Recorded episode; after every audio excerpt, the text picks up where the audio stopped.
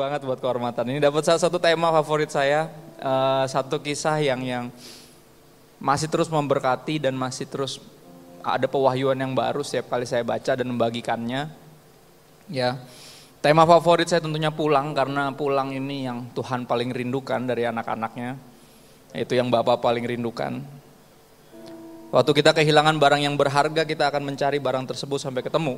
Yesus pun memahami hal itu lewat tiga perumpamaan di Lukas 15 hari ini kita habisin waktu kita di sana. Tadi barang anak-anak teens kita baca 32 ayat. Really? It's true karena biar mereka nggak main PUBG jadi saya ajak buat biar baca ayat rame-rame. Ya karena emang problemnya gitu. Zaman dulu juga kita masih remaja ngobrol sama sebelahnya. Ya kan kita nakalnya berjamaah kalau zaman dulu. Kalau sekarang bisa nakal sendirian aja gitu dan nggak ngerasa itu. Tapi puji Tuhan Ya tadi pagi karena ada beberapa yang belum pernah baca katanya. Tapi saya yakin ini cukup familiar. Ya Lukas 15 ini.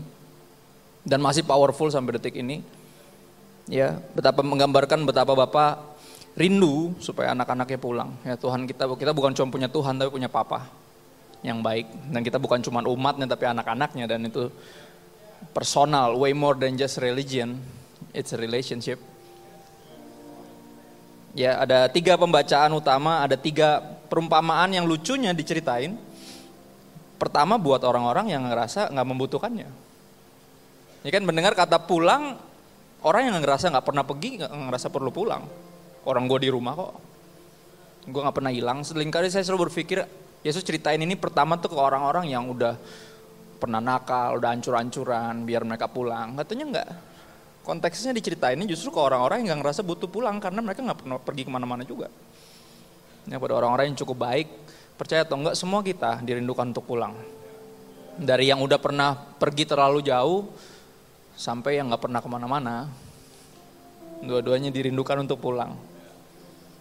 Karena home is where his heart is. Bukan tempatnya, bukan cuman kan udah di gereja, udah Kristen dari dulu, udah pelayanan, bukan berarti udah di home belum tentu. Kalau belum nyampe ke hatinya berarti belum pulang. Dan hari ini kita akan belajar tentang itu. Lukas 15 ayat 1, para pemungut cukai dan orang-orang berdosa biasanya datang kepada Yesus untuk mendengarkan dia. Lihat yang paling depan justru biasanya yang paling ajaib kalau di gereja kan gitu, depan suka dikosongin. Karena ngerasa kurang kudus untuk depan, duduk depan. Padahal dulu kalau Yesus khotbah yang duduk depan tuh yang paling aneh-aneh. Oh ya, yang paling belakang justru biasanya yang yang cuma mau nyari salahnya doang. Ya, ada admin? Admin bukan amin, admin. Penting nih, zaman sekarang mesti ditanya soalnya ada admin nggak? Karena bayangin Yesus aja dicari salahnya apalagi pendeta. Yesus loh. Yesus. Ya. Yang paling belakang justru yang cuma pengen ngeliat-liat doang, pengen nyari salah, mau ngejebak dia karena tersaing. Karena setiap kali Yesus ngajar pasti rame. Kalau mereka yang ngajar nggak ada yang datang. Ya. Jadi ini yang terjadi. Yang paling depan selalu yang paling paling membutuhkan grace karena Yesus khotbah ini berbeda. Dia bukan cuma khotbah kayak para ahli Taurat berkhotbah. Ya, tapi dia membawa isi hati Bapaknya. Because he is his heart. Yesus itu hatinya Bapa yang jadi manusia. Ya. Maka bersungut-sungutlah orang-orang Farisi dan ahli-ahli Taurat katanya. Ia menerima orang-orang berdosa dan makan bersama-sama dengan mereka. Lalu ia mengatakan perumpamaan ini kepada siapa? Mereka. Lihat. Ini akan sangat nge-twist nanti. Yang berpikir, ah ini buat temen gue sayang banget dia gak datang. Enggak, it's for you, makanya lu datang. Bukan buat temen lo, bukan.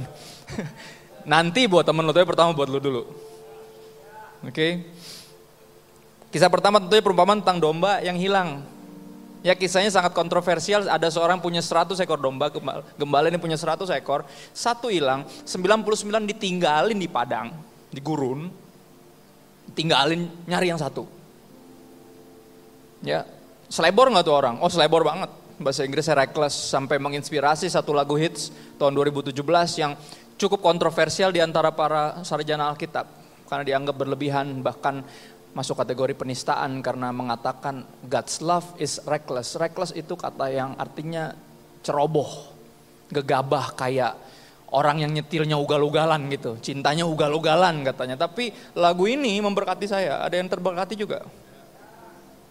No shadow you won't light up, mount you won't climb up, coming after me. No walls you won't kick down, lie you won't tear down, coming after me. Siapa yang terberkati? Angkat tangan tinggi. Saya, at least saya. Dua tahun ini masih kontroversial. Kenapa sih mesti pakai kata reckless? Kenapa nggak selfless? Kenapa nggak perfect love of God? Why reckless? Karena kadang dibutuhkan satu kata yang karena gini kata-kata kita untuk menggambarkan cintanya sangat terbatas. Dan tiap generasi butuh satu kata lagi yang yang mewakili seberapa gilanya cintanya Tuhan. Ya, karena sesuatu yang luar biasa bisa jadi biasa kalau kita terbiasa. Nggak ada yang lebih mengerikan daripada anak yang bertumbuh besar dengan berita Injil dan bosen dengan khotbah yang itu-itu doang. Karena kalau kita tarik benang merahnya, every single song, ya dari lagu senang sampai lagu sedih, praise and worship. Lagu senang dan lagu sedih benar? Kan genrenya cuma dua kalau di gereja. Ya, tiga lagu senang, dua lagu sedih. Praise and worship. All songs sing about the same story, right? That same love story yang never gets old. The greatest story ever told. The good news. How he loves us. Itu doang kisah. Khotbah itu itu doang intinya. Justru kalau nggak ada itunya malah bingung itu bukan khotbah. Nggak ada tentang pengorbanan Kristus. Tapi ya tadi sesuatu yang luar biasa. Bisa jadi biasa kalau terbiasa. Dan saya percaya lagu itu sangat dibutuhkan untuk generasi ini. Untuk ingetin. Kadang kita lupa seberapa gilanya cintanya Tuhan buat kita. Kalau lupa coba ngobrol sama orang yang belum percaya. Dan ingat betapa gilanya itu. Tuhan kok jadi manusia? Tuhan kok mati? Lihat, buat mereka itu reckless, buat mereka gila. Jangan sampai kita terbiasa. It's still the craziest love ever. It is. It is. Still is. Tetap luar biasa. Dan sereckless itu sampai kayaknya 99 ini nggak lebih berarti daripada yang satu itu. Dicari, ada satu gambar yang saya nggak pernah bisa lupa. Ya ada coba muncul, boleh munculin gambarnya. Gambar ini ada berapa gambar sih yang nggak pernah lupa saya dari kecil Kristen. Ya, yang paling ingat tuh Yesus uh, ngetok pintu yang nggak ada handle-nya itu paling terkenal. Yesus disalib salah satu gambar yang paling saya takut lihat dulu zaman masih kecil karena terlalu sadis. Ya terus gambar ini. Ya bukan gambar yang yang yang dombanya digendong setelah itu tapi gambar untuk ngambil dombanya ini. Ini gambar pertama yang yang bikin saya sampai nganga sampai kayak takut takut orangnya tuh jatuh gitu. Ya. Dombanya jatuh sih bodoh amat, saya pikir orang ini lebih berharga nyawanya, tapi enggak, buat dia, dombanya lebih berharga dari dirinya sendiri. Dan menggambarkan siapa tentunya perikop pertama, perumpamaan pertama tentang gembala ini, domba yang hilang ini mencari gembala, ya gembala mencari domba yang hilang ini tentang Yesus, gembala yang baik. The first person of the Trinity, right? That reckless love reckless love yang terekam ini digambar sama saudara saya sendiri. Dia jago gambar. Um, dia yang ngajarin saya nakal. Ya puji Tuhan, Tuhan ubah hidup saya. Sekarang saya lagi muridin dia. Bayangin tuh, how he works. Ajaib, Tuhan tuh sense of humornya tinggi. Dia bisa pakai yang yang rusak saya untuk akhirnya saya pakai dia untuk saya bisa bimbing dia untuk ketemu Tuhan lagi. Padahal udah lebih dulu Kristen, lebih dulu jago gambar. Ya digambar di jaket Fight Till I'm Found dari lirik yang sama dari Reckless Love. Ya, tentang kisah cinta yang gila ini tentang betapa dikasihinya kita. Itu poin pertama kalau suka nyatet. Ya, kenapa kita mesti pulang? Karena kita begitu dikasihi.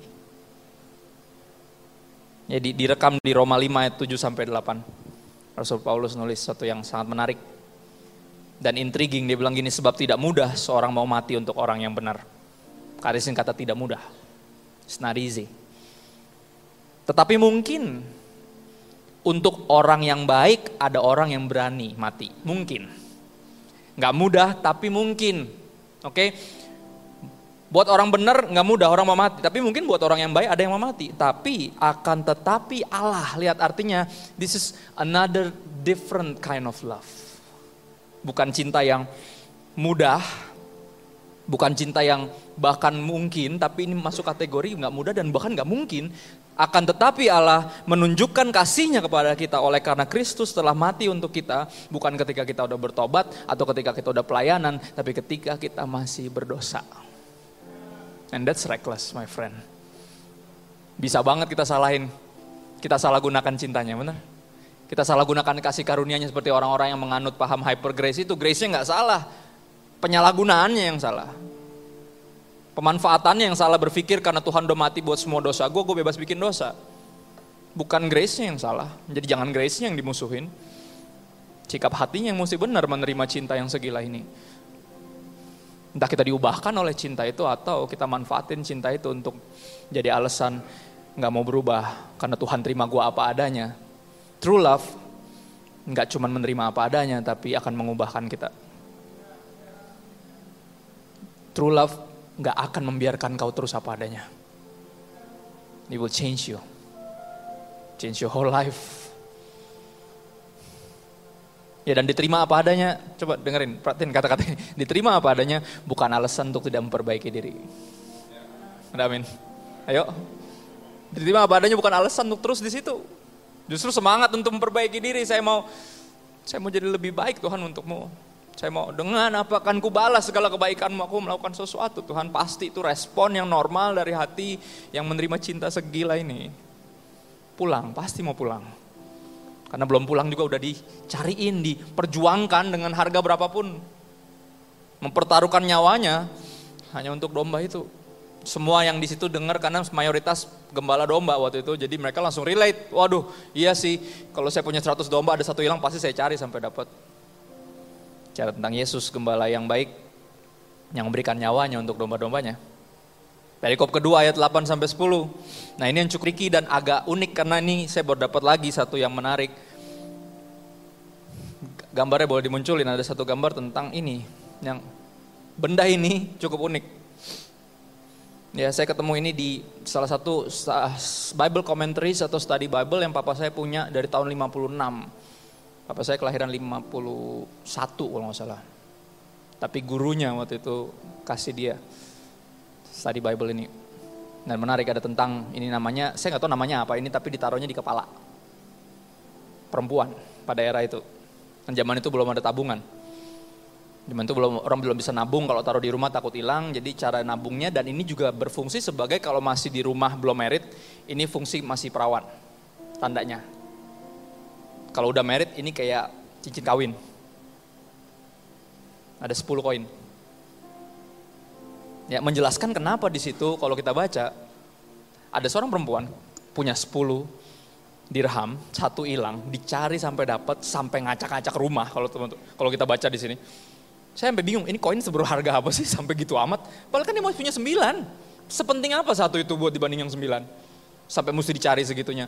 Gini, secara konteks ini yang ini yang keren dan yang unik kenapa? Karena kalau hilang satu, perempuan ini kalau dia udah menikah bisa dicerain sama suaminya. Karena itu kayak kehilangan cincin nikah, bener Cincin nikah kalau hilang bisa dibeli lagi. Tapi istrinya pasti marah. Karena beda cincinnya. Beda beb, beda itu. Dia. Mungkin bisa beli yang lebih mahal tapi beda. Beda bukan yang itu soalnya, bukan yang kemarin kita merit bukan yang itu. Lihat. Segitunya. Bahkan ini bisa dituduh untuk menjual satu dari koin kan harganya lumayan. Untuk di, di spend untuk hal-hal yang lain bisa dicurigai bahkan bisa dicerain makanya dia nyarinya sampai segila itu. Dan bukan cuma itu pas udah ketemu dia bikin pesta. Bayangin kalau koin ini cuma seharga dirham paling berapa berapa sih dirham? Ya kalau di kurs ini bukan masalah kursnya masalahnya ini benda ini sangat berharga dicari sampai karena gini sembilan itu udah nggak ada gunanya kalau nggak ada satu ini nggak jadi satu kesatuan jadi nggak ada harganya. Makanya pas diketemuin dia sampai undang semuanya pesta saudara-saudaranya. Baik kan pesta itu kan nggak murah. Artinya ini bukan cuma koin doang nggak sesederhana itu ini satu lagi kayak mahkota. Ya tadi aku ngobrol sama teman-teman teens. Kalau Yesus cuma tinggalin sorga hanya untuk balik ke sorga. Mendingan gak usah datang dari awal apa untungnya buat dia? Kenapa dia cariin sampai dapat? Menggambarkan siapa di sini di perumpamaan nih, Roh Kudus. Pribadi yang sabar, yang terus mengerjakan kekudusan di dalam hati yang penuh berhala dan penuh kenajisan. Dia dengan sabar terus ketika kita dengar firman dia bawa kita kepada seluruh kebenaran. Sabar menunggu kita. Makanya Daud ketika dia berbuat dosa dia tahu menyadari kesalahannya dia bilang apa Tuhan ya bukan jangan ambil berkatmu, jangan ambil kekayaan, bukan jangan ambil nyawa saya bukan jangan ambil rohmu daripadaku. Tanpa roh kudus nggak ada yang kudus. Tanpa roh kudus yang kita punya cuma agama Kristen. Kita nggak punya hubungan sama Tuhan. Nggak ada yang bisa kudus tanpa roh kudus. Beragama bisa. Tapi kita hidup di negara paling ajaib bener. Karena yang beragama banyak. Tapi dosanya juga bareng-bareng. Korup juga. Agama gak nyelamatin kita tahu. Dan kita bersyukur kita bukan cuma punya agama tapi punya juru selamat. Ya dicari sampai dapat sampai dipestain. Ibrani 12 ayat 2 coba lihat deh. Ada sesuatu yang menarik yang yang yang tadi saya bagiin ke anak-anak karena ini baru buat saya baru. Kalau Yesus dulu punya mahkota, kalau dia cuma nanti one day balik cuma mau ke situ untuk dapat mahkota yang dia pakai sebelumnya, nggak ada gunanya. Tapi ada yang berbeda nanti ketika dia balik. Ketika dia habis disalibkan, habis pengorbanannya di sini ada sesuatu yang berbeda, sesuatu yang dia dapatkan, yang dia cari sampai dapat.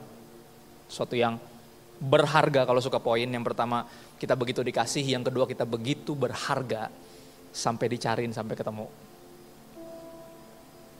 Ibrani 12 ayat 2 bilang gini, marilah kita melakukannya dengan mata yang tertuju kepada Yesus, yang memimpin kita dalam iman, dan yang membawa iman kita itu kepada kesempurnaan, the author and the finisher of your faith. Dia bilang, jadi bukan kita yang mempertahankan iman kita, tapi dia juga. Dia yang mulai, dan dia yang bawa iman itu sampai kesudahannya. Ya makanya walaupun ada perbedaan pandangan tentang doktrin dan dogma, saya nggak peduli. Buat saya ini gambaran paling tepat Tuhan pegang tangan saya, bukan saya pegang tangan dia. Saya nggak bisa pegang tangan dia, pasti lepas. Bang ketika saya nggak mampu pegang tangan, dia tetap pegang tangan saya. Saya percaya keselamatan nggak bisa hilang. Kalau saya percaya keselamatan bisa hilang, ngapain saya khotbah? Orang nggak ada kepastian keselamatan juga. Karena saya tahu pasti makanya saya nafsu nginjil. Karena saya tahu nggak ada nggak ada nama lain di bawah kolong langit di mana kita bisa diselamatkan. Karena keselamatan buat kita orang Kristen itu satu yang pasti. Maka kita dengan berani menginjil karena kita tahu dialah jalan kebenaran dan hidup dan gak ada yang sampai kepada Bapa kalau nggak lewat dia.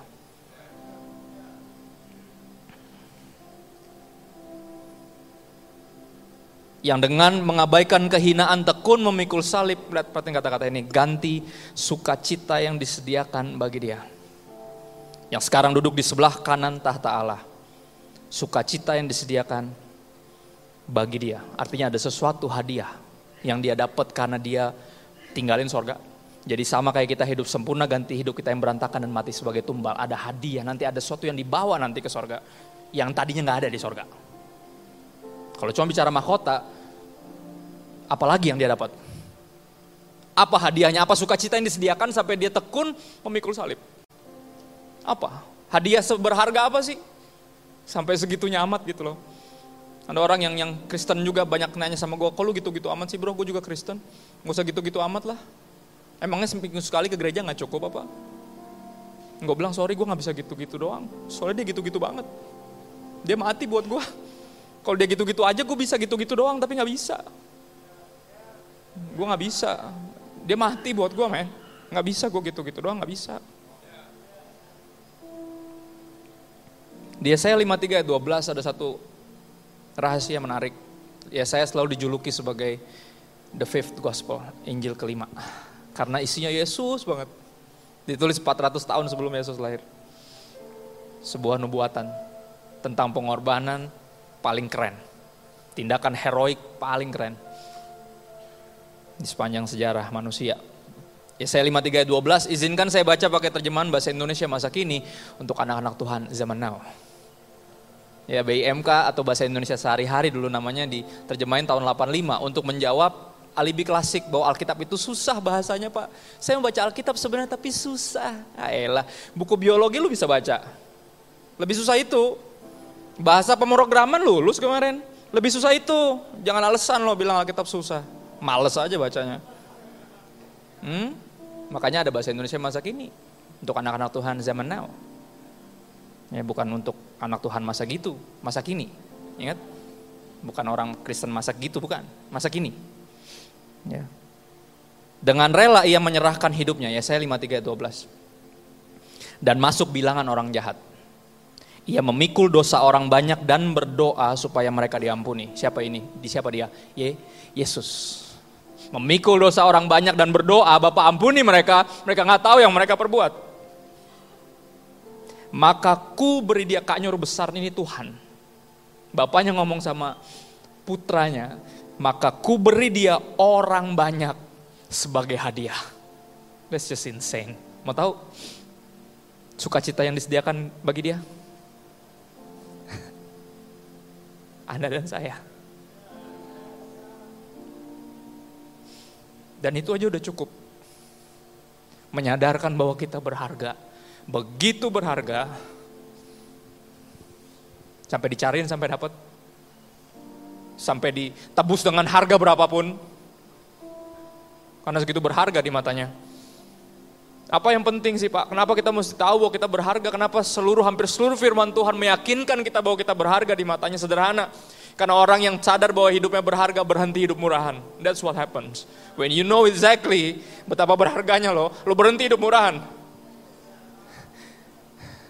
Saya punya orang yang ada kirim DM ke Instagram saya, dia bilang saya berhenti pak, jadi simpenan pejabat katanya. Bukan karena ada yang bilang itu salah, saya udah tahu itu salah. Tapi saya nggak pernah tahu ternyata saya segitu berharga. saya nggak tahu, thank you. Thank you udah ingetin saya. Bahwa saya berharga di mata Tuhan. Dia memutuskan berhenti. Padahal duitnya lumayan loh. Nggak usah ngapa-ngapain, kaya tujuh turunan loh, asli.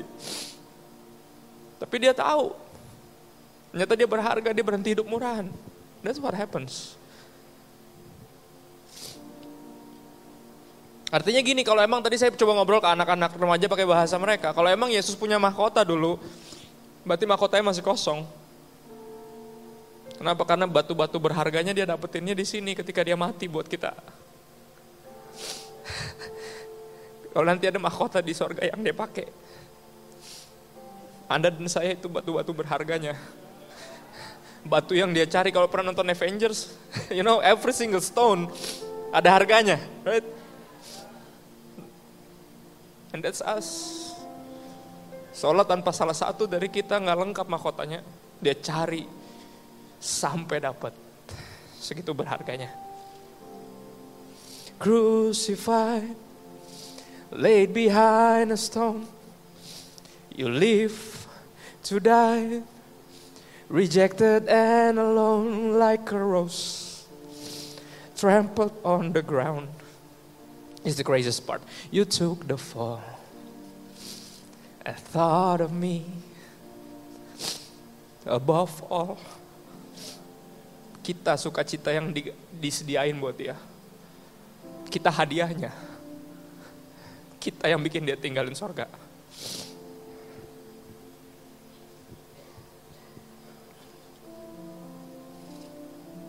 Nanti kita sampai ke perumpamaan terakhir yang menjelaskan bahwa ini bukan tentang domba atau tentang koin, ini tentang manusia, Anda dan saya. Ini tentang Bapak yang baik, yang punya dua orang anak, yang satu nakal, yang satu baik. Tiba-tiba pagi-pagi dibangunin sama anak yang kecil yang kurang ajar itu. Dia bilang ini, Pak, gue minta warisan gue sekarang Maksudnya gimana? Iya gue minta warisan gue sekarang. Dia nggak minta boleh nggak nggak pakai boleh. Dia maksa. Ya, artinya secara nggak langsung anak ini kurang ajar ini bisa bilang ini, Pak lu boleh mati aja nggak? Gue pengen warisan gue langsung. Gak usah pakai lama. Malas gue nungguin lo mati. Gue cuma pengen duit lo. Segitu kurang ajar ya anak ini. Cuman saya yakin dia pasti maksa. Makanya sampai dibagi warisannya. Thank you, thank you, thank you. Malu yang majenggot ya nangis-nangis. Bodoh amat. Jadi dia minta gitu. Akhirnya saya yakin dia maksa si anak ini sampai papanya bagi hartanya di antara mereka. Saya nggak perlu baca, teman-teman pasti sudah tahu. Semua kita udah pernah baca. Dibagi di antara mereka, artinya ini dibagi rata, semuanya dapat. Nggak cuma yang minta doang yang dikasih, tapi yang nggak minta juga dapat. Menurut peraturan Yahudi, anak sulung dapat dua kali lebih banyak dari adiknya. Itu peraturan Yahudi. Jadi bapak itu habis itu udah nggak punya apa-apa, karena semuanya langsung dibagi dua. Yang satu dapat dua kalinya, yang satu dapat bagiannya. Oke, okay? nah ini terjadi anak ini langsung keluar kota, jual semua yang dia punya, foya-foya habis-habisan. Akhirnya apa di kota itu bukan hanya dia duitnya udah makin menipis, tapi ada terjadi kelaparan. Artinya kalaupun dia punya duit, dia mau beli makan di mana? Kelaparan, nggak ada yang. Ya, akhirnya udah nggak apa, bangkrut udah. Karena duit juga nggak bisa dimakan in the end of the day, kelaparan di situ. Ya, nah dia kerja sama satu majikan, jagain babi. hampir mati kelaparan, terus dia sampai sempat kepikiran untuk makan makanan babinya. Ampas makanan babi itu dia mau makan. Nggak dikasih sama bosnya loh, gila gak tuh? Kenapa? Karena bagi bosnya lebih berharga babinya daripada dia. Ya dong? Ya dong buat bos kita lebih berharga kita atau kerjaan kita? Ya kerjaannya lah. Ayo. Kalau lu makan-makan babi gue, babi gue makan apa? Lihat kenapa? Kenapa? Karena bosnya bukan bapaknya. Mengajarkan apa? Percaya deh, percaya di dunia ini. Nggak ada yang lebih mengasihimu, lebih dari Bapamu mengasihimu. Nggak ada yang lebih memandangmu berharga, lebih dari dia memandangmu berharga. Come on, jangan tuker dia sama siapa pun, nggak worth it. Eh takut tadi ngomong sama anak-anak remaja nih umur segini lagi mulai ditaksir-taksir nih perempuan. Please deh kalau ada yang baru naksir-naksir doang nggak usah norak. Ada yang udah mati buat lo, nggak usah norak. Masa yang mati buat lu tuker sama yang buat naksir-naksir doang? Ah, nggak sebanding lah. Ya jadi jangan norak. Jangan tuker raja segala raja sama mantan jenderal, nggak worth it. Jangan norak. Ya. Akhirnya dia sadar. Dia bilang ngapain gue di sini? Di rumah gue pembantu gue aja nggak ada yang kurang makan. Gue di sini mati kelaparan. Orang kan mesti gitu dulu kan dalam hidup tuh. Mesti kena azab dulu baru nyari Tuhan. Kan kayak gitu kan ada amin. Bukan ada admin, kali ini ada amin. Ya kan mesti gitu dulu kan. Paling susah mau tahu ngajakin siapa ke gereja? Orang yang sehat dan kaya raya. Wah, oh, paling susah. Paling susah. Gue pernah deketin temen gue waktu gue awal jadi pendeta ya. Aku deketin temen gue, gue bilang gini, bro lu gereja yuk bro. Kan lu Kristen kan, masih Kristen dong? Ya gitu deh kata dia. Gereja yuk, gue pendetanya. Hah lu jadi pendeta? Serius lu? Gila gak nyangka lo gue jadi pendeta. Gue bilang gue juga gak nyangka apalagi lu. saya pikir karena saya pendetanya, saya pikir saya bisa ajak dia ke gereja. Gak mau lo. Terus dengan dengan ngecenya, dengan ngenyeknya dia bilang gini, ngapain gue ke gereja? Biar diberkati. dia bilang apa? Soalnya dia bilang gini, gue mau gak usah ke gereja juga udah diberkati bro. Gila gak? Artinya apa? Prosperity gospel gak bisa ngejual apa-apa. Buat orang-orang kaya, gak bakal ketarik orang-orang kaya. Orang udah kaya, The true gospel yang akan tarik semuanya dari kaya sampai yang gak punya apa-apa. Menyadari bahwa kekayaan kita cuma Yesus. Kalau kalau kita nggak punya dia, kita nggak punya apa-apa. Hanya kau milikku di sorga dan mesti ada yang kuingini di bumi. Lihat, sama orang songong kayak gini, jujur di hati gue langsung gue pikir Tuhan please dong kena azab, please kena azab. Karena orang kayak gini mesti kena azab dulu baru ke gereja nih. Sengak banget nih orang. Asli. Sampai kayak gitu kadang pendeta tuh suka doanya kayak gitu. Sorry ya kalau saya sih gitu, saya sih jujuran aja. Enak ngeliat orang kayak gitu banyak gaya. Tapi orang kalau udah kena azab, udah kena batunya, udah bangkrut, udah pasti pulang, pasti. Tapi mesti digituin dulu, yakin. Mesti gitu dulu baru pulang. Hah? Mau? Enggak perlu kan? Enggak perlu kan? Tinggal menyadari aja. Menyadari bahwa semua dari dia dan mesti semuanya buat dia. Di luar dia nggak bisa apa-apa. Tinggal gitu aja dulu. Nggak usah nunggu nggak bisa apa-apa dulu baru menyadari itu. Nggak usah nunggu kehilangan semuanya baru menyadari ternyata cuman dia doang yang gue punya. Ya, akhirnya dia pulang, latihan minta maaf di tengah jalan. Sampai dekat rumah ini yang dia kaget, papanya lari dong. Dari jauh lihat langsung lari. Ini mengagetkan. Ini kisah ini kontroversial. Kenapa? Gentleman walk but never run. Apalagi laki-laki Yahudi Mana ada lari-lari.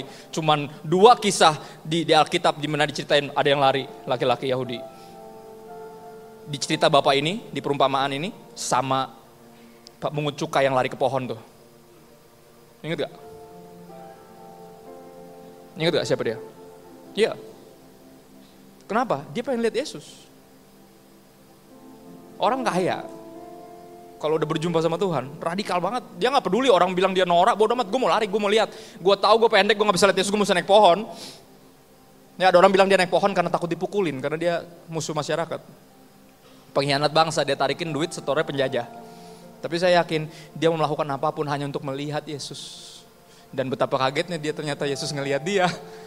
Dia kaget dan dibilang suruh turun, gue mesti makan di rumah lo, harus gue mesti makan di rumah lo. Dan tindakan Yesus ini yang bikin Yesus jadi bahan bully di sosial media, benar? Karena dia nongkrongnya sama orang-orang berdosa, benar? perikop ini diceritain gara-gara Yesus digituin sama orang-orang itu. Lalu pikir orang sehat yang butuh dokter kata Yesus. Orang sakit yang butuh tabib. Orang berdosa yang butuh juru selamat. Kalau lu nggak ngerasa butuh ya udah, tapi percayalah semua orang membutuhkannya, termasuk lu. Ya bapakin lari, dari jauh lari. Artinya apa? Anak ini udah dicariin belum sebelumnya? Udah. Mau tahu kenapa agak sulit dicarinya? Karena dia keluar kota. Keluar kota kan random bisa kota mana aja, bener gak? Susah lah nyarinya, udah bapaknya udah tua. Nyari-nyari gak ketemu-ketemu. Akhirnya apa? Dia berarti nungguin tuh, tiap hari nungguin depan rumah. Kalau kalau tuh anak balik kenapa? Kan dia tahu nih anak nggak bisa megang duit pasti nggak lama udah bokeh. udah tahu dia, ini mah duit segini mah bentar ini mah orang. Belum siap juga dia nerima itu. Ya karena banyak orang sedikit nggak sedikit orang berpikir that's freedom. Freedom itu hidup aing suka-suka aing. Akhirnya jadi begitu tuh. Kena azab baru paham. baru paham. Ya, hidup tuh bukan begitu, itu bukan kemerdekaan, itu justru perbudakan. Kemerdekaan yang kayak gitu membawa kepada perbudakan karena that's not freedom, that's slavery. Makanya berakhir di kandang babi. Jauh dari rumah, tapi akhirnya dia menyadari bahwa nggak ada kemerdekaan di luar dari papa. Makanya dia mau pulang. Menarik ketika dipeluk, dia coba minta maaf, papanya nggak peduli. Karena bukan itu yang papanya cari. Ya, bapak di dunia kan sering kayak gitu kalau kita bikin malu, kita nakal, dia malu, bukan lebih ke malunya. Bukan kesedihnya, tapi bapak di sorga, come on. Dia bapak yang baik. Dia nggak malu, Yesus seperti Yesus nggak malu nongkrong sama pendosa. Bapak nggak malu disebut dari dia nggak malu jadi papa kita. Ada di, di berani bilang dia tidak malu disebut Allah kita. Wow, how powerful is that? Kadang kita nongkrong sama orang yang punya background yang gelap aja kita malu, takut nanti masuk akun satir lagi. Pendeta ini nongkrongnya sama ini, nongkrong di klub sama ini, nongkrongnya di... Ya. Tapi Yesus nggak nggak peduli. Karena buat buat orang-orang kayak gitu dia datang, orang-orang kayak kita.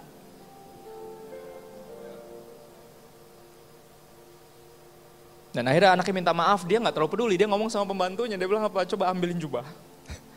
Mandiin dulu nih orang, ambilin jubah, ambilin cincin, ambilin sepatu, pakai ini nih anak gua, anak gua pulang, potong lembu yang paling gemuk, bikin pesta terbesar yang pernah ada. Lihat, jujur permintaan maaf kita nggak terlalu penting buat Tuhan, karena dia udah tahu, dia yang paling tahu seberapa kita menyesal dan mengasihi dia.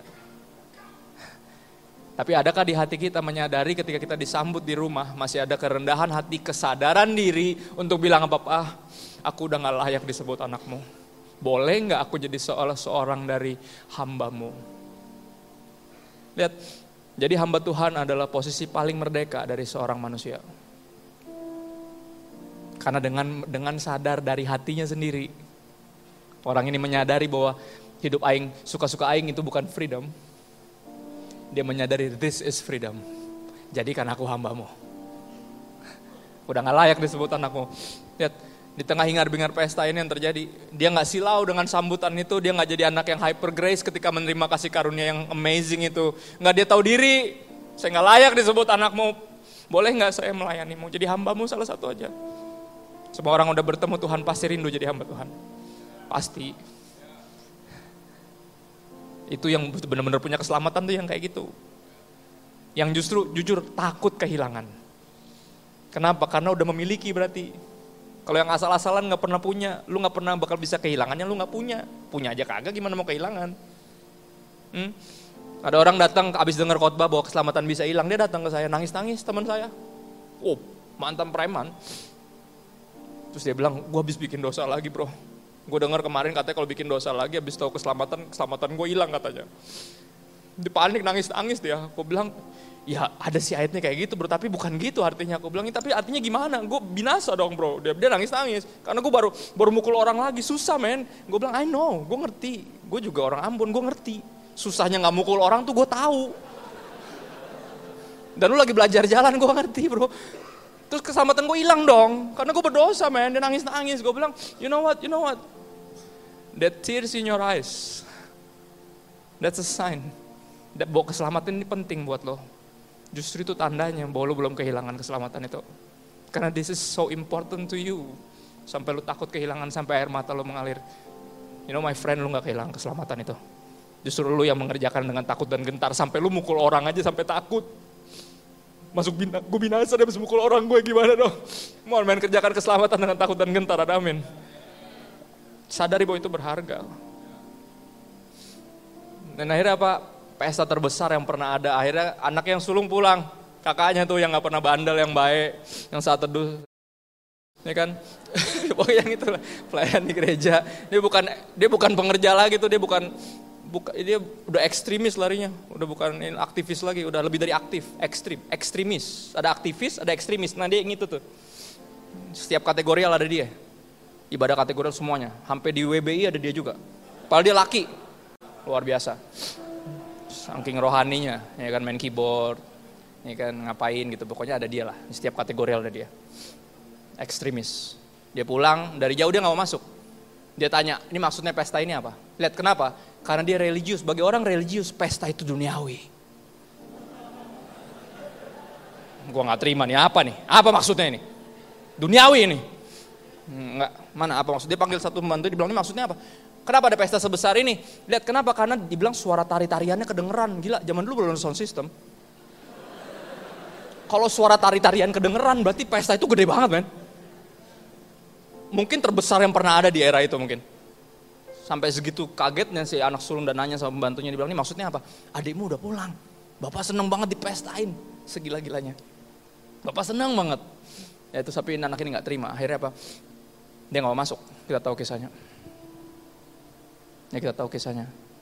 Dan ini kisah ketiga ini menggambarkan tentang Bapak yang baik. Yang pertama menggambarkan tentang Yesus, gembala yang baik. Yang kedua, pribadi yang sabar yang mencari kita sampai dapat bicara tentang Roh Kudus dan yang terakhir bicara tentang Bapak.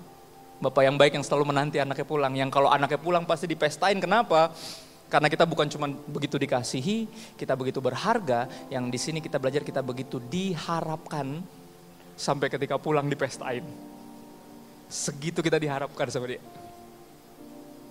Ya jadi kalau mau pulang jangan takut, jangan ragu, pasti dipestain. Ya tapi di gereja enggak tuh pak, saya dicurigai ketika orang tahu saya bekas pembunuh. Padahal ada komsel tadi dekat rumah saya, tiba-tiba komselnya bubar, minggu ini enggak karena dekat rumah saya, saya mau ikut sebenarnya. Ya, ya untuk komsel, untuk home, ada home dekat di daerah komplek. Pak, saya tinggal, kamu tinggal di mana? Oh, saya tinggal di sini, Pak. Ada home tuh dekat rumah kamu. Oke, nanti tapi saya mau boleh kesaksian nggak? Oh ya boleh dicerita. Ya, saya tinggal di sini sekarang. Saya tuh saya seorang pembunuh. Oh semua langsung oh. Kesaksian. Tiba-tiba saya tinggal di sini. Saya rindu sih untuk lebih dalam lagi. Ini gereja pertama yang saya hadiri setelah sebelumnya saya banyak gereja di penjara. Nah akhirnya home itu udah langsung langsung whatsappan grup home itu. Kita bubar, pindah tempat lain. Karena orang ini bakal masuk home kita terlalu terlalu berbahaya orang ini. Gengs, kalau lu pulang ada gereja yang nggak ngerayain, lu cari gereja yang lain. Cari gereja yang lain yang punya hatinya Tuhan. Yang ngerayain siapa pun yang pulang. Bukan mencurigain siapa pun yang pulang. Karena ini problemnya. Karena kisahnya belum selesai. Kisahnya baru aja dimulai twistnya twistnya baru dimulai. Anak ini nggak mau masuk, papahnya udah mulai bingung. Mana si kakaknya udah pulang? Pembantunya kasih tahu ada di luar pak, tapi nggak mau masuk. Marah kayaknya. Akhirnya papanya keluar. Kenapa? Sorry, ini kenyataannya Tuhan juga punya hati buat yang religius. Karena sering kali kita sering kali gitu. Kita pikir ah ini orang binasa nih sok bener, self righteous, ahli Taurat, Farisi ini pasti binasa semua enggak? Yesus juga punya hati buat mereka. Bapak juga punya hati dan berharap mereka pulang, makanya ketika ada yang datang kayak ninja ngumpet-ngumpet di Yohanes 3 namanya Nikodemus, nggak langsung diusir. Kenapa lo di kolom komen tadi lo membuli gue, ngapain lo DM DM gue? Nggak gitu. Yesus nggak baper soalnya. Makanya gue tungguin di DM ya kan, gue tungguin ada yang datang diam-diam. Karena kalau di depan rame-rame bawaannya pengen nolak, bawaannya pengen ngebully biar nggak dicurigai. Tapi ntar ada lagi kok yang DM, ada yang pelan-pelan. Dan karena saya tahu hati Bapak buat semuanya, hati saya juga buat semuanya. Ada orang bilang gini, bro capek bro, udah nggak usah diladenin lah begitu-begituan. Ya lagian juga akunnya fake. Ya kan itu yang pengen pengen ribut aja di situ. Lu mau jawab apa juga pasti dijawab. Emang suka ngelawan. Gue bilang bro, akunnya fake tapi adminnya enggak. Ayo, Ada admin? ya kan? Bener gak? Akunnya fake tapi yang jalanin kan orang. Yesus juga mati buat dia. Hah? Mungkin drain myself out. Bikin capek jiwa gue, bikin gue senewan, asam lambung gue naik. Tapi gue tahu Yesus juga mati buat dia, dan gue mesti punya hati juga buat dia. Karena akunnya bisa fake, tapi adminnya enggak. Jiwa juga itu. Bapaknya keluar, amazing. Belum belum mau baru mau ngomong didamprat sama anaknya gila gak? Anak yang selama ini nurut, baik, ekstremis, ya kan, rohani, penuh sopan. Dia bilang apa? Selama ini gue nggak pernah nggak nurut sama lo. Tapi lo nggak pernah pestain gue. Tapi jangan balik anak lo tuh. Yang udah ngabisin harta lo dengan para pelacur dan foya-foya. Udah buang-buang hidupnya lo pestain dia. Dan saya yakin papahnya pasti sedih ketika denger ini. Apalagi ketika dengar sang kakak memanggil adiknya bukan sebagai adiknya tapi sebagai anak lo. Kenapa? Ini mengerikan karena di posisi ini berarti sang anak yang kakak ini lagi nggak jadi anak dari bapak itu. Coba perhatiin nggak? Ketika kita lagi marah, kita lagi pindah tim. Nah yuk, timnya cuma dua, God is love sama yang satunya lagi. Jangan sampai kekecewaan, tersinggung bahwa kita pindah tim karena gini benar atau benar orang yang lagi emosi biasanya suka ngomongin sesuatu yang dia nggak ngerti artinya apa kadang benar kan? Yang sering berantem? Ada Amin yang sering berantem? Kita pasti nyesel kalau udah ngomong. Kaget sendiri kita bisa ngomong gitu. Langsung bilang kayak sorry ya beb aku nggak maksud ngomong kayak gitu. Oh ya. Karena kalau lagi marah itu pasti akan dan saya yakin anak ini nggak sadar ketika dia ngomong anak lo tuh dia berarti lagi nggak jadi anak bapak itu. Karena itu bukan cuma ya kan dia nggak bilang itu adeknya itu adeknya. Papa pasti sedih kayak adek lu itu adek lu bukan anak gua doang. Papa langsung ngomong apa suatu kata yang paling miris yang pernah saya baca di Alkitab salah satunya. Selain tujuh perkataan Yesus di kayu salib ya. Itu udah paling miris semiris-mirisnya. Paling menyedihkan tapi anak bapak ini sampai ngomong gini nak. Selama ini engkau bersama-sama dengan aku Bahasa asli dia bilang gini, apa yang saya punya mestinya kamu juga punya. Artinya apa? Papa nggak ngomongin tentang duit. Duitnya kan udah dibagi. Mau tahu yang pertama bikin dia kesel, kenapa pesta itu diadain? Karena pestanya itu pakai duit dia. Ya kan? Kan udah dibagi hartanya. Yang ini udah habis. Sisanya punya dia, dipakai buat pesta. Ayo.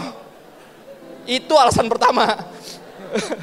Duit gue itu, gila loh. Kan bapaknya udah bagi warisannya. ya dong. Enggak, yang kedua khususnya itu tadi. Dia ngerasa adanya tuh nggak layak. Nggak segitu berharganya, dia tuh udah menunjukkan ketidakberhargaannya dengan tingkah lakunya. Tapi you are not what you do. Kita pengajaran itu, we are not what we do. Berapa dari kita struggle dengan same sex attraction, gay and lesbian is not who you are. You are a son and the daughter of the Most High yang lagi struggle dengan same sex attraction. Gay is not who you are. Kalau itu lu pikir itu diri lu, lu susah keluar. Tapi kalau lu tahu you are his, engkau miliknya. Nggak ada yang mustahil buat Tuhan. Dimulai dari situ dulu identity. Bapak bilang apa? Selama ini lu sama-sama gue, mestinya apa yang gue punya lu juga punya. Kata-kata berikutnya menjelaskan bahwa ini bukan tentang uang. Ini tentang hati. Bukankah mestinya engkau bergembira? Dan ber, bersuka cita, kenapa? Karena adikmu yang hilang. Sudah ditemukan, yang mati udah bangkit lagi. Jangan tutup dengan gambar ini, coba gambar terakhir. Mungkin ini kontroversial, tapi I don't care. Ada admin? Silakan diposting, bodo amat. I love you.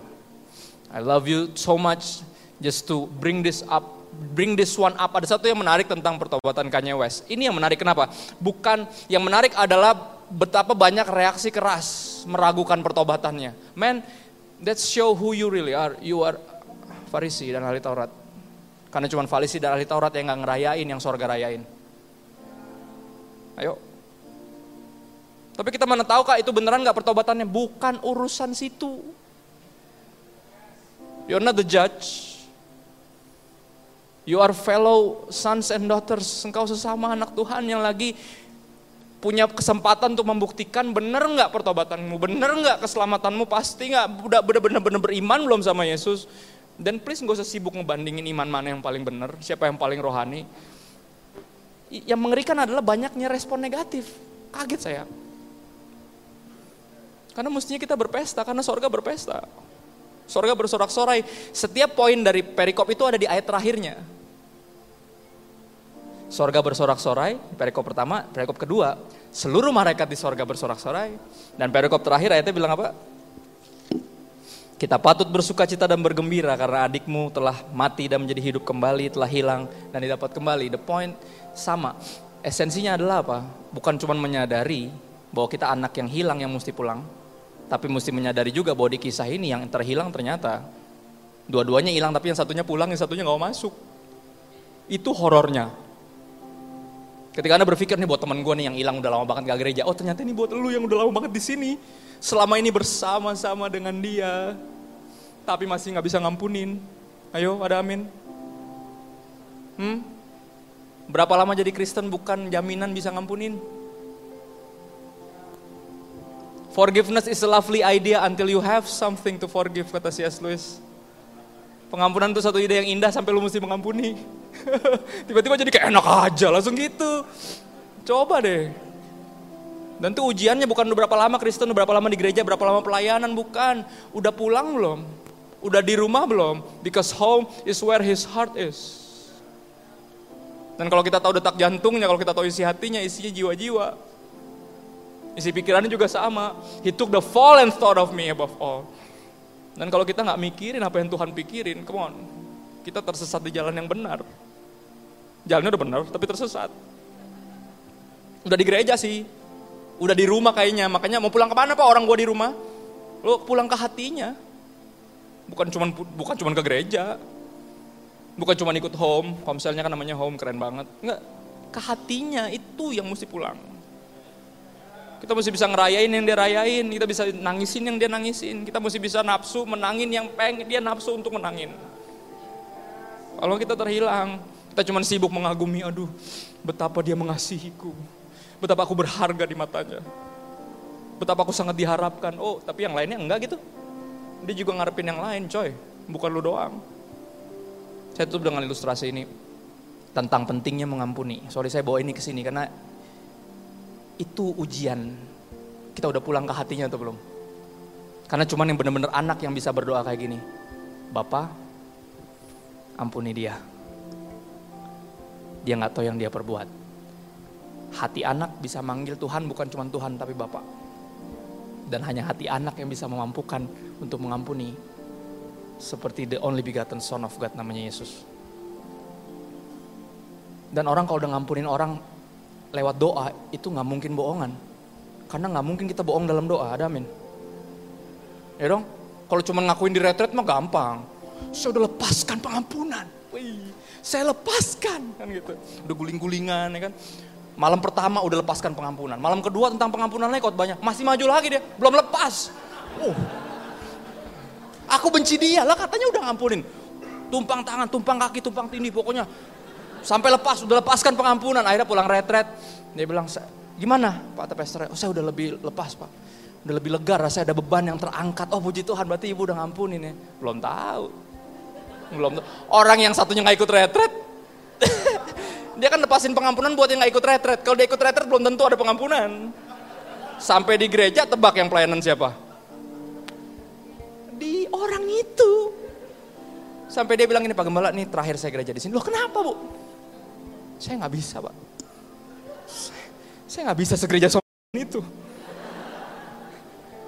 Dia tuh ngutang tapi nggak bayar pak. Pura-pura gila lagi. Masih pelayanan pak. Perlu saya sebutin namanya. Biar bapak tahu. Jadi kalau pelayanan tuh kalau pelayan tuh di di itu loh di apa ya di dilihat dulu gitu loh layak apa enggak naik mimbar emang nggak ada yang layak semuanya dilayakan nggak ada yang layak coba renungin deh emang kita layak nggak ada adanya yang dilayakan nggak ada yang layak Ya kan akhirnya apa pindah gereja gara-gara ada orang itu. Kebayang nggak di hari terakhir nanti? Hari terakhir ada meja daftar ulang kan? Hakimnya Yesus pastilah ya. Percaya hakimnya nanti dia, hakim agung. Oke, ada buku kan, daftar ulang. Kenapa? Karena dicek namanya ada nggak? Ya kan? Kalau nggak ada nggak bisa masuk kan? Anggap hakim agung akhirnya setelah antrian ke 1 triliun 200 sekian, Christopher tapi hero di hadapan sang juru selamat, sang hakim agung Yesus Kristus. Untuk ditentuin masuk mana nih si Christopher, hakim menanyakan pertanyaan paling standar, apa yang buat kamu merasa layak atau bisa masuk surga Christopher tapi hero. Christopher sempat tergoda untuk jawab pelayanannya mau dipamerin. Aku sudah mengusir setan demi namamu, bernubuat demi namamu, menyembuhkan orang sakit demi namamu. Tapi Christopher tahu Matius 7 ayat 21 sampai 23, takut nggak dikenal. Ya kan? Nanti udah gitu, siapa ya aku tidak pernah kenal kan gitu ya, udah tahu dia Pinter, teologinya pinter banget. Paham. Oke. Okay? Dia tahu nih kuisnya nih, dia tahu jawabannya. Jawabannya adalah karena engkau telah mati untukku. Sedap. Iya kan? Ya dong, jawabannya itu kan. Nggak ada lagi yang bikin kita layak masuk surga selain itu. Nggak ada. Walaupun kita kenal orang dalam, kan Yesus ya. Cuman nggak segampang itu juga Gustavo. Nggak segampang itu. Beneran nggak kita percaya bahwa kita hanya bisa masuk karena iman dan karena anugerah? Kalau enggak ya super cuma, kita akan pamer-pamerin kehebatan kita. Akhirnya Christopher jawab dengan lagu yang dia harap Yesus nggak tahu pada lagu sering nyanyiin. Kau telah buktikan cintamu padaku. Kau membayarku dengan hidupmu, ku bersyukur. Itu mah lagunya Sari. Gue juga tahu kata Yesus. Lagu, bagus jawaban kamu tepat. Tapi apa? Ketika lagi ngobrol sama sang hakim agung, pintu sorga kebuka dikit. Gitu. Cukup cukup jelas untuk melihat ada satu orang yang Christopher belum bisa ampuni dan bisa bilang, oh nggak jadi, nggak jadi, nggak nggak jadi, nggak. Eh udah bener jawabannya, udah boleh masuk. Nggak nggak mau, gue nggak mau masuk kalau ada dia. Gue nggak mau masuk. Nggak, gue nggak mau masuk. Nggak mau, gue itu bukan sorga kalau ada dia. Gue nggak mau. Come on, ini kayaknya lucu tapi nggak lucu kalau direnungin. Nggak lucu kalau direnungin ketidakmampuan kita, ketidakmauan kita mengampuni seseorang. Membuat kita apa kalau kata lagu Bruno Mars bilang lock out of heaven. Terkunci di luar pintu sorga. Pintunya kebuka tapi lu nggak mau masuk. Karena ada dia yang belum bisa lu ampunin. Coba deh, pernah kebayang nggak orang yang belum bisa kamu ampuni kemungkinan besar udah diampuni sama Yesus. Terus kalau dia masuk surga lu nggak mau masuk gitu? Kan horor kan? Dan saya berharap mudah-mudahan ini sederhana untuk kita mikir. Kita udah di rumah belum? Kayak ini bukan cuma buat yang udah pernah terhilang, narkoba, ancur-ancuran. Bukan, ini juga buat yang di gereja, yang gak pernah nakal. Coba renungin kita udah pulang belum ke hatinya? Pelajaran penting. Jangan sampai nanti di depan pintu sorga dia bilang ini selama ini kamu bersama-sama dengan aku. Kok iya apa yang aku punya kamu gak punya. Duh amit-amit jangan sampai. Jangan sampai sia-sia hidup kita. Saya berharap semuanya tahu kita semua mesti pulang. Semua kita pulang ke hatinya. Ya jangan kelewatan isi hati Tuhan. Itu yang paling penting. Jangan sampai kelewat. Yang lain boleh nggak dapet. Buat apa seorang peroleh seluruh isi dunia tapi kehilangan jiwanya. Tapi kita nggak perlu punya seluruh isi dunia, tapi kita udah punya hatinya dan that's enough. Kita hidup kita berarti dan ada gunanya dan kita udah pulang berarti udah di rumah. Yuk kita berdoa sebentar yuk.